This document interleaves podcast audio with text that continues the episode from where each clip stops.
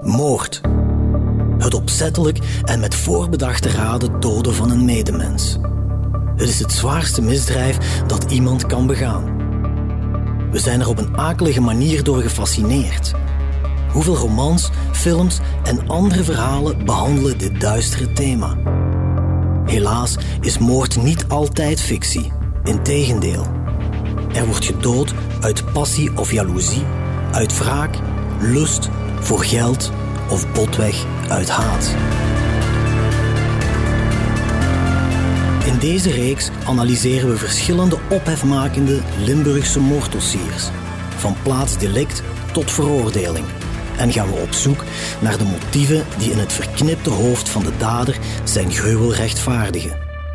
Ik ben Geert op Teinde en dit is Van Moord tot Verdikt. De executie van kleuterjuf José, deel 2. The Smoking Gun. De familie van de 64-jarige José Widdershoven uit Maasmechelen blijft verweest achter wanneer de geliefde kleuterjuf op rust op 13 december 2009 koelbloedig wordt doodgeschoten in de garagebox achter haar woning. De vrouw lijkt brutaal geëxecuteerd te zijn, met meerdere schoten in het hoofd. Al snel komt haar ex-man Lei Beaumont in het vizier. Beaumont en zijn vrouw waren al 15 jaar in een bittere vechtscheiding verwikkeld, waarbij José aanspraak maakte op een deel van zijn bezittingen. De ex-chauffeur, die zijn vrouw in het verleden al meermaals met de dood zou hebben bedreigd, wordt aangehouden op verdenking van moord. Maar al snel wordt hij opnieuw vrijgelaten bij gebrek aan bewijs. Tot enige tijd later het labo-onderzoek toch iets oplevert. Het forensisch team vindt tal van minuscule kruidsporen in Beaumonts wagen, op zijn lederen handschoenen en in zijn stofzuiger. Lei Beaumont wordt weer opgepakt en geconfronteerd met de bewijslast. Wat hij daarover te zeggen heeft, vertellen speurder Karel Dekkers en meester Philip Daning, die de broer en zussen van mevrouw Widdershoven bijstaat. Die kruissporen die werden voornamelijk aangetroffen in zijn auto. onder andere uh, vonden kruidsporen terug op zijn stuur, op uh, de klink van, van de deur aan de chauffeurskant, op de versnellingspook. We vonden ook achter, want hij had in zijn auto daar lagen nog wat oude lakens en, en, een handdoek. Daar werden ook sporen op aangetroffen. Ondertussen hadden we ook onder andere de stofzuiger. En na doorgedreven onderzoek, want dat is allemaal microscopisch onderzoek, is ook in die stofzuiger zijn een heleboel van die kruidsporen of die, die elementen aangetroffen kunnen worden. Daar waren getuigen in Castellan op de verkaveling waar dat huis van zijn broer gelegen was. Mensen die gezien hadden dat hij met uh, zijn stofzuiger zijn, zijn auto aan het kuisen was. Uh, hij zegt, ja maar ik ben beroepschauffeur, ik doe dat altijd. Ik kan absoluut niet tegen een vuile wagen. Uh, maar daar werden deeltjes aangetroffen. Nu eerst zei hij van dat is allemaal niet van mij en jullie hebben die auto onderzocht en jullie, jullie hangen vol met kruidsporen.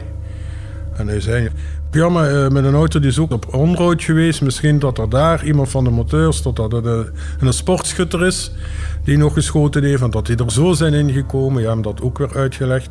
En ik weet niet of die mechaniekers, die monteurs vol hangen met kruidsporen. Olie lijkt mij eerder uh, aangewezen, maar... En hij had dan ook nog een radio laten inbouwen, zei hij naderhand. Hij had een andere radio in zijn auto laten inbouwen. Ja, en dan zei hij die monteur misschien. En daar werden ook kruidsporen aangetroffen uh, op de lederen handschoenen. Handschoenen die hij gebruikte om... Want Leij was ook een vervent motorrijder.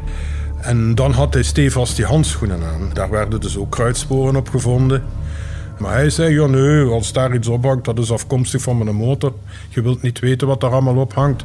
En wat allemaal, uh, als ik over de weg rij, wat, wat daar allemaal rondgestrooid wordt. En wat daar voor partikeltjes rondzweven dat, uh, dat kan niet. Hij wou dat echt. Hij zegt, ik heb met dat wapen in geen jaren meer geschoten.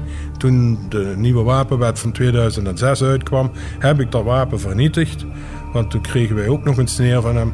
Want ik had gelezen dat uh, er politiemensen zijn die die wapens wel in ontvangst nemen, maar die zelf naderhand doorverkopen. En dat zou bij mij niet het geval zijn. Dus ik heb dat wapen tussen de bankschroef gezet, de loop drie stukken gezaagd, het hout opgestookt. Zo is dat. Uh, continu heeft hij dan zijn, zijn uitspraken moeten wijzigen. Hè? Wat de tweede arrestatie van meneer Beaumont betreft Um, dat herinner ik mij vrij goed, omdat we spraken over een smoking gun. En dat is uh, goed gekozen als terminologie in dit dossier, want effectief, op basis van het kruidsporenonderzoek dat gevoerd is geweest, zal men dan vaststellen van, kijk, in het voertuig van meneer Beaumont worden er kruidsporen aangetroffen. Uh, en heel in het bijzonder ook op de handschoenen uh, van meneer Beaumont. En de laatste zal later belangrijk blijken te zijn. Hij heeft er eigenlijk een cascade aan verklaringen over afgelegd om te proberen uit te leggen waarom die kruidsporen in zijn voertuig konden worden aangetroffen.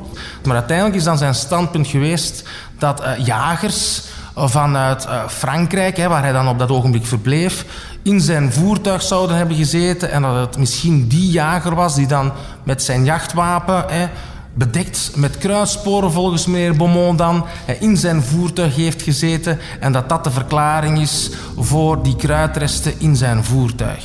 Een jager die de wagen van Beaumont gecontamineerd heeft met de kruidsporen. Is dat mogelijk? Volgens meester Natasha Biele wel. Volgens Karel Dekkers, die naar Frankrijk reisde om een en ander proefondervindelijk vast te stellen, niet.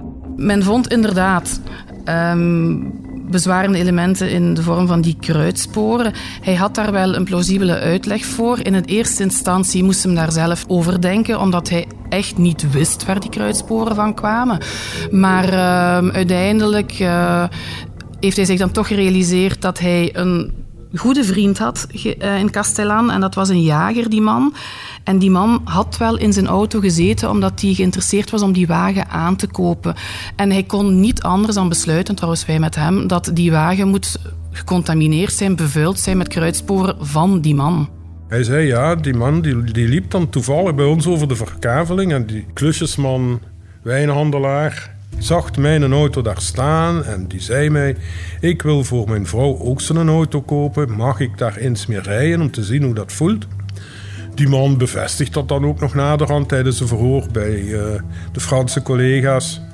Ja, en uh, buiten klusjes en wijn verkopen ging die ook nog wel wat stropen. En hij zei: Ja, ik was toen. Uh, daags voordien was ik nog met, met een heel compagnie op pad geweest. En ik had nog de lege hulzen van zijn jachtpatronen had hij dan nog op zak gestoken. En we hem daar zelf laten schieten met een shotgun.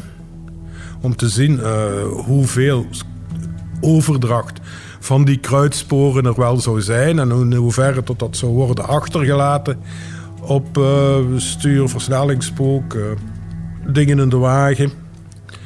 Maar ja, er waren wel wat spoortjes, maar het was toch niet in zo'n concentratie zoals we eerder bij hem hadden vastgesteld. Dat is allemaal grondig onderzocht geweest. Die hypothese van meneer Beaumont dat die persoon eigenlijk het voertuig betreden heeft omdat hij het zou gaan kopen, kon eigenlijk uh, niet kloppen.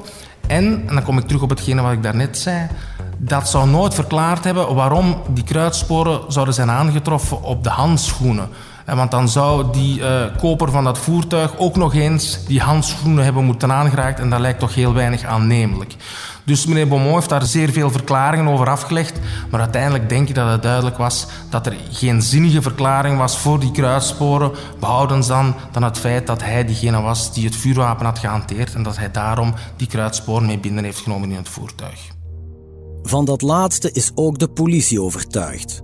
En toch, Hoewel de uitleg van Lei Beaumont voor hen weinig aannemelijk lijkt, moeten de speurders na de bevestiging van de Franse jager dat hij wel degelijk in de wagen zou hebben gezeten, de hoofdverdachte opnieuw laten gaan. Wel, het is inderdaad zo dat uh, meneer Beaumont dan een tweede keer is vrijgelaten geweest. Die kruidsporen waren objectief gegeven, maar het onderzoek moest dan toch nog verder gevoerd worden. Niet onbelangrijk is dat en dat wordt soms vergeten in de publieke opinie, is dat het niet is omdat iemand vrijgelaten wordt, dat men dan van mening is dat er niet voldoende elementen zijn. Men zegt van, op dit ogenblik is het niet meer nodig om deze persoon van zijn uh, vrijheid te beroven in afwachting van het proces. Van een proces is lange tijd geen sprake. Er is geen bekentenis en het enige harde bewijs, de kruidsporen, lijkt te worden ontkracht. En dus dreigt de moord op kleuterjuf José in de vergeetput te belanden. Tot in 2019, liefst tien jaar na de dood van Widdershoven, toch een assiseproces wordt gepland. Op 23 april is het zover. Maar in de wandelgangen van het Tongerse gerechtshof gonst het van de geruchten dat de beschuldigde, die sinds enkele jaren in Zeeland woont, zijn kat zal sturen.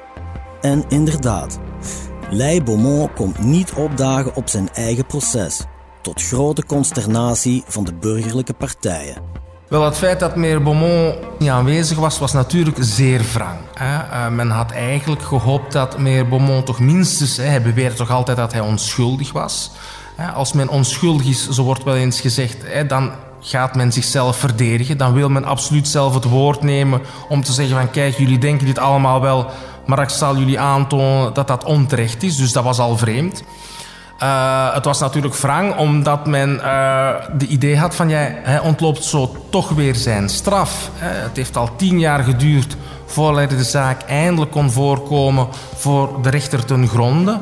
En op het ogenblik dat dan eigenlijk allemaal zou moeten beginnen... dan beslist meneer Beaumont van... ik ben niet aanwezig. Dus uiteraard waren de slachtoffers, hij was er een zoveelste kaakslag eigenlijk, om vast te stellen van hij trekt er zich niks van aan en neemt zijn verantwoordelijkheid niet op en hij verschijnt niet eens op zijn proces. Anderzijds, eenmaal als het zover was, was het ook een zekere opluchting. Want eigenlijk tot vrij lang voor het proces wisten wij niet zeker of meneer Beaumont ging komen of niet. Dus dat was eigenlijk een, een vraagteken van gaat hij er zijn of gaat hij er niet zijn. Men hield er dus rekening mee dat hij wel zou komen. Maar dan zou hij in vrijheid het proces hebben kunnen bijwonen. En dan was er toch een zekere angst bij de familie van hoe gaat dat dan gaan? Gaan we die tegenkomen in, in, in het centrum van het stad? Gaan we die tegenkomen hier in de wandelgangen op het justitiepaleis? Dus in die zin was er ook een zekere, ik zal niet zeggen opluchting dat hij er niet was, maar er waren een aantal angsten die voordien leefden als hij er zou zijn, die natuurlijk wegvielen. De afwezigheid van Lei Beaumont wordt door de nabestaanden van José gezien als een schuldbekentenis. Want waarom zou iemand die echt onschuldig is zijn eigen proces ontvluchten? Volgens Beaumonts advocaten Natasha Biele hoeven we daar echter niet al te veel achter te zoeken. Want de man wist volgens haar niet eens dat zijn proces gestart was. Lei Beaumont was niet aanwezig om de heel eenvoudige reden dat hij het niet wist. Had men nu zijn adres niet getraceerd, omdat hij inderdaad van België naar Nederland verhuisd was, nogthans was het niet zo moeilijk om hem te vinden. Um, maar hij is daar nooit gedagvaard, voor zover ik weet. En daar ben ik redelijk zeker van. Uh, en hij heeft het dan pas vernomen op het moment dat het proces zelf in de media kwam. Maar toen was het al gestart. Het proces gaat gewoon door, zonder de beschuldigde. En op 6 mei 2019 volgt er ook een verdict. Lei Beaumont wordt schuldig bevonden aan de moord op José Widdershoven. Waarvoor hij, bij verstek zoals dat heet, tot een levenslange gevangenisstraf wordt veroordeeld. Wat de uitspraak tot levenslang bij verstek betreft, ja, dat was natuurlijk wel het verhoopte resultaat. In die zin dat men uiteraard uh, vaststelt van kijk, ook het Hof van Assise vindt het duidelijk dat meneer Beaumont schuldig is aan deze feiten. Dus in die zin gaf dat wel enige voldoening. Maar eigenlijk, wij als advocaten hebben daar ook onmiddellijk tegen uh, de cliënten gezegd van ja, die man gaat waarschijnlijk wel verzet aantekenen. Dus we wisten op dat ogenblik al wel dat de kans groot was dat het proces nog niet het einde van het verhaal zou zijn. Dus in die zin bleef dat toch nog altijd wel een, een, een vraagteken. Was dat geen afgesloten hoofdstuk?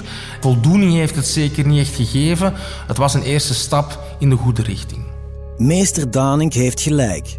Dit verhaal is nog niet ten einde, want Lei Beaumont is spoorloos.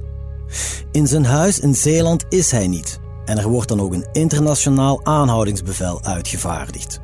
Beaumont komt op de Most Wanted-lijst terecht en het FAST, de afdeling van de federale politie, verantwoordelijk voor het opsporen van in België veroordeelde mensen, wordt ingeschakeld.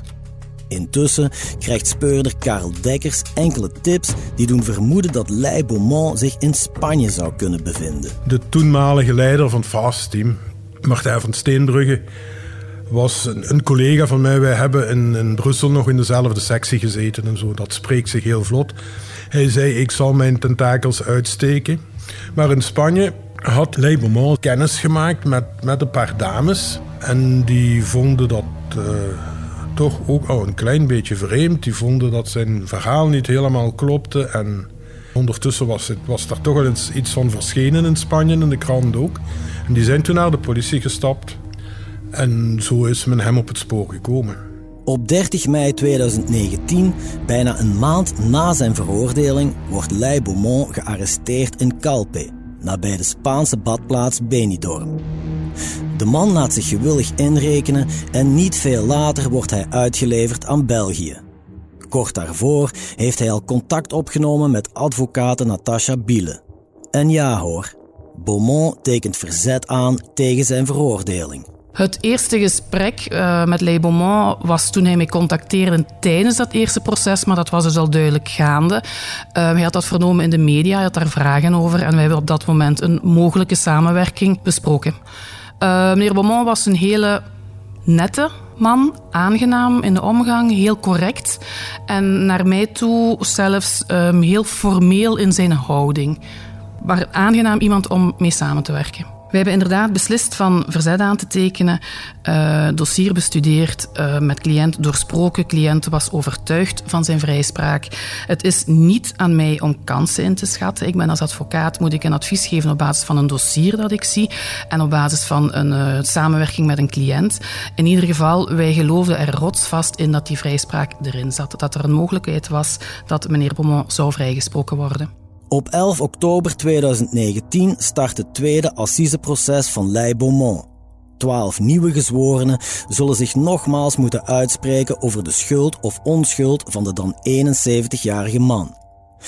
Tijdens het proces komt advocaat Philip Danink, de raadsman van de broer en zussen van José Widdershoven, voor het eerst oog in oog te staan met de beschuldigde, die de feiten nog steeds resoluut ontkent. Ik moet zeggen dat ik toch was verschoten. Um, dus de eerste keer dat ik de man zag en uh, een van de eerste zaken die er gebeurt is de ondervraging van de beschuldigde, gaf hij eigenlijk wel een heel correcte indruk. In die zin, hij was net gekleed, hij antwoordde heel beleefd op de vragen van de voorzitter en dat zag er effectief een nette man uit. Maar dat was ook de beschrijving die men had gegeven in het dossier van meneer Beaumont. Eigenlijk iemand met twee gezichten, naar de buitenwereld toe, heel beleefd, heel correct en niks op aan te merken. Maar lopend in het proces we zijn ook moeten vaststellen dat meneer Beaumont toch een aantal kanten had die tijdens de eerste ondervraging misschien niet onmiddellijk aan het licht waren gekomen. Dat betreft mijn eigen uh, beeldvorming over meneer Beaumont op het proces. Maar de familie dus mijn cliënten, die meneer Beaumont uiteraard al langer kenden, die waren helemaal niet verschoten. Die wisten dat meneer Beaumont effectief die twee gelaten had. En het gedrag van meneer Beaumont op de terechtzittingen lag helemaal in de lijn van datgene wat zij zelf eigenlijk verwacht hadden. Dus in die zin waren zij niet verschoten. Tijdens de eerste dagen van het proces komen tal van getuigen aan het woord die het gedrag van de beschuldigde als allesbehalve fraai omschrijven. Integendeel, er wordt een beeld opgehangen van een man die zijn gezin jarenlang kleineerde, terroriseerde en bedreigde. Maar die indruk moet toch enigszins genuanceerd worden, vindt zijn advocate Natasha Biele. Uh, Lei Beaumont stelde heel duidelijk dat hij inderdaad zijn dochters ernstig heeft opgevoed en misschien naar onze normen hard opgevoed. Hij zei, maar ik heb ze zeker nooit geterroriseerd. Wat wel is, geeft hem ook toe, in het kader van de echtscheiding en, en de maanden, jaren, ik weet niet wat ervoor, waren er heel veel ruzies tussen hem en mevrouw Widdershoven. Zijn, dat waren harde ruzies, dat klopt, dat zijn harde woorden gevallen. Uh, maar terroriseren, dat zei hij, nee, absoluut niet. Ik heb in het dossier ook getuigenissen gezien over die doodsbedreigingen. Um, ik moet zeggen, in het kader van familierecht zijn dat dingen die men vaak terugziet. Dat zijn opmerkingen, uitlatingen die uit emoties gedaan worden. Ik denk dat uh, heel veel mensen die in echtscheidingen zitten eens rare uitspraken doen over hun echtgenoot of een echtgenote. En hij zei het is enkel alleen in dat kader dat ik inderdaad wel eens zal gezegd hebben. Um, woorden die niet zo fraai waren, maar dat is wat anders dan dat echt menen. Dus hij zegt, ik heb dat inderdaad in emotie gezegd, maar nooit als echt bedoelde kille bedreiging. Nooit. Op 15 oktober 2019, het proces is dan halfweg, komt Celine, de jongste dochter van zowel het slachtoffer als de beschuldigde, aan het woord. Celine was degene die destijds op die tragische zondagavond 13 december 2009 haar moeder vond in de garagebox waar ze werd doodgeschoten. En haar getuigenis is erg aangrijpend. Zo herinnert Beaumonts advocate Natasha Bielen zich. Uh, de getuigenis van de jongste dochter op die assisedag. Het was sowieso al een zware dag geweest met allemaal getuigenissen. Um, veelal tegen Lei Beaumont. Um, u moet weten, moraliteitsgetuigen voor hem die komen later wel aan, aan beurt. Maar op dat moment zit men inderdaad in het harde, de harde kern van dat assiseproces waar harde getuigenissen tegen hem kwamen. Um, de dag was al zwaar en dan kwam de getuigenis van de dochter die inderdaad vernietigend was. Die ook echt op hem inhakte als een bijl. Want ook al weet men dat uw dochter u verdenkt, dan is toch de manier van waarop het gezegd wordt en, en de manier waarop zij het bracht ontzettend hard voor hem. Hij was ook heel erg aangeslagen die dag. Hij zal daar een bepaalde perceptie over gehad hebben. En de dochters duidelijk ook. Door het feit dat daar al jaren een moeilijk getroubleerd of zelfs geen contact was, denk ik dat standpunten uit elkaar gaan liggen, logischerwijze. En net daarom misschien dat het die dag zo hard was voor hem, dat men zich niet aan verwacht had dat dat zo hard ging zijn. De procesdag zit erop. Een loodzware dag, zowel voor de burgerlijke partijen als voor de beschuldigden, zo blijkt. Want de volgende ochtend, zeer vroeg al, krijgen zowel speurder Karel Dekkers als advocaten Biele en Danink een verontrustend telefoontje dat de loop van het assiseproces volledig en definitief zal veranderen. Tijdens dat tweede proces, dat was toen ik morgens vroeg een telefoon kreeg van eh, het Openbaar Ministerie. Dat was advocaat-generaal Booyen toen nog. Die zei, ja, ik verneem juist van de gevangenis dat uh, zich daar heeft verhangen. Dat was halverwege het proces. En uh, ja, toen zag je blijkbaar ook wel geen andere uitkomst meer. Na die zware procesdag heeft uh, dan inderdaad de nacht van 15 op 16 oktober zelfmoord gepleegd. Ik werd s'morgens heel vroeg, ik denk dat het tussen 6 en 7 uur was, uh, opgebeld door een, uh, een gsm-nummer dat ik niet kende. En dat bleek procureur des Konings uh, Patrick Booyen te zijn die het enorm siert. Nog altijd vind ik dat hij de moeite nam, hij was ingelicht, om mij persoonlijk zelf in te lichten. Um, ja, uiteraard ben ik enorm verschrokken. Ik heb dan onmiddellijk mijn medepleiters ingelicht en vervolgens heb ik de vriendin van uh, onmiddellijk ook ingelicht, want ik wou niet dat zij dit via de pers zou vernemen. Goh, natuurlijk, ondanks alles had niemand dat verwacht. Hè. Dat was uh, wat dat betreft toch zeker een coup de theater. Achteraf bekeken, en ik weet het niet meer uit het hoofd of dat het nog diezelfde dag was, maar wij hebben natuurlijk nog wel contact gehouden, ook nadien met de cliënten lag dat toch wel weer in de lijn van hoe meneer Beaumont was. Hij was iemand die de regie heel strak in handen hield. En in die zin heeft deze daad, ja, ligt dat in het verlengde daarvan. Uiteindelijk heeft hij zelf beslist van, ik maak er een eind aan. En, en in die zin uh, is dat dan toch logisch gebleken, datgene wat meneer Beaumont uiteindelijk heeft gedaan. Maar om nu te gaan zeggen dat dat uh, geen verrassing was, dat is niet correct. Het is eigenlijk met achteraf de zaken te overschouwen dat we misschien tot de conclusie kwamen van ja, dit ligt eigenlijk wel in de logica van de persoonlijkheid van meneer Beaumont, maar het was absoluut een verrassing om te vernemen dat hij uiteindelijk toch zelfmoord had gepleegd.